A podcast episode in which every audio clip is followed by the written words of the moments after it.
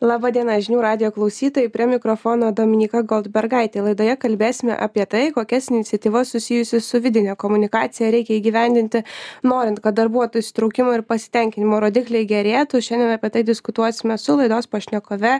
Čia su manimi studijoje venipak lietuva komunikacijos projektų vadovė rūta e, šuminaitė. Laba diena ačiū kad atvykot sveiki labai malonu e, tai gal iš pradžių trumpai papasakokit apie savo įmonės darbuotojus kiek jūs jų turite kiek platus yra spektras, e, kuo jie užsiema? E, tai mes esam tarptautinė e, kompanija. E, mūsų pagrindinė veikla yra siuntų pristatymas e, ir mūsų darbuotojai yra išsibarstę po viso pasaulį, jau galime sakyti. E, tai yra Lietuvoje, Latvijoje, Estijoje, Lenkijoje, Olandijoje ir Kinijoje, Hongkongė, jeigu konkrečiau mhm. kelis darbuotojus turim.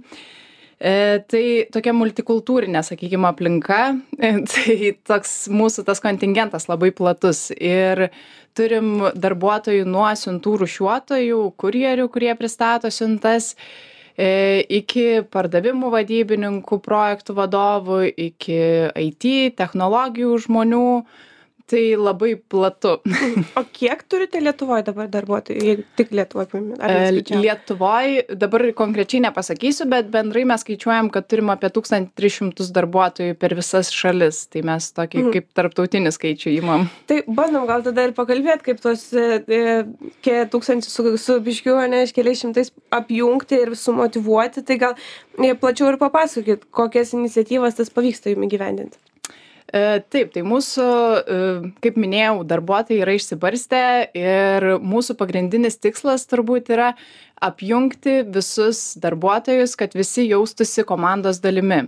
Tai čia turėjome uh, ilgą kelią, kai stengiamės tai padaryti ir mūsų tos motivavimo priemonės yra ganėtinai kompleksiškos. Tai nėra, kad viena kryptė kažkokia priemonė, tai yra daugiau jų.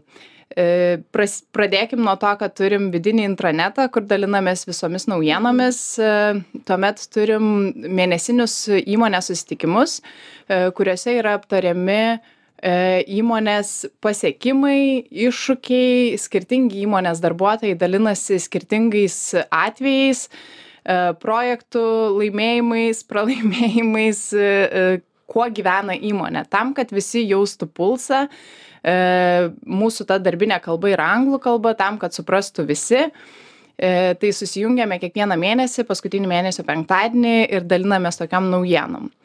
Taip pat turim tokį jau tradicinį metinį renginį vasario mėnesį vykstantį, kai aptarėme irgi tokia būna kaip online konferencija, e, kur kalba įmonės vadovai ir transliuojame visiems darbuotojams šitą renginį ir aptarėme taip pat e, savo praeitų metų pasiekimus, e, ką pavyko įgyvendinti, kokių iššūkių turėjome ir kokią matom ateitį. Tam, kad visi darbuotojai taip, taipogi jaustų tą pulsą ir suprastų, kokioje įmonėje dirba.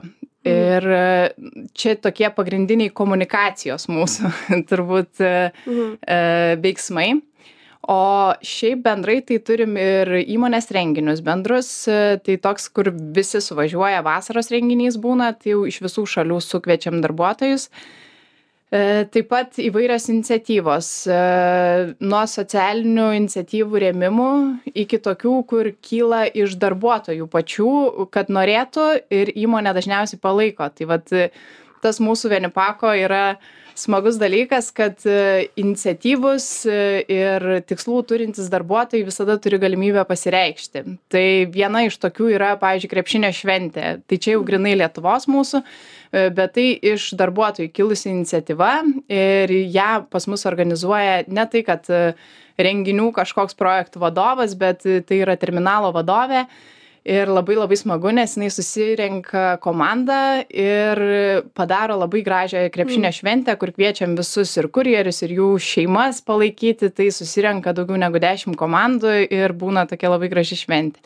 tai kaip tik ir norėjau klausti iš kur semiatės tų idėjų ar ne kas galėtų motyvuoti pačius e, darbuotojus tai iš esmės klausiam darbuotojų.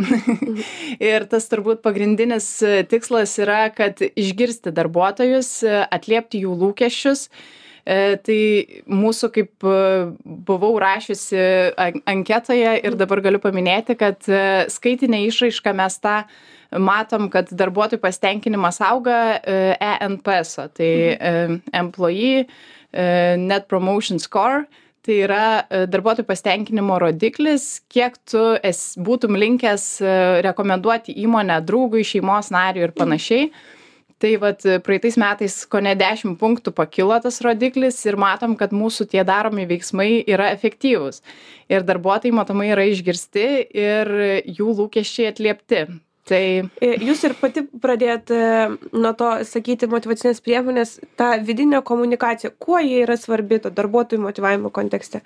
E, tai turbūt svarbiausias dalykas kad kiekvienas darbuotojas jaustųsi įmonės dalimi ir jaustų įmonės pulsą.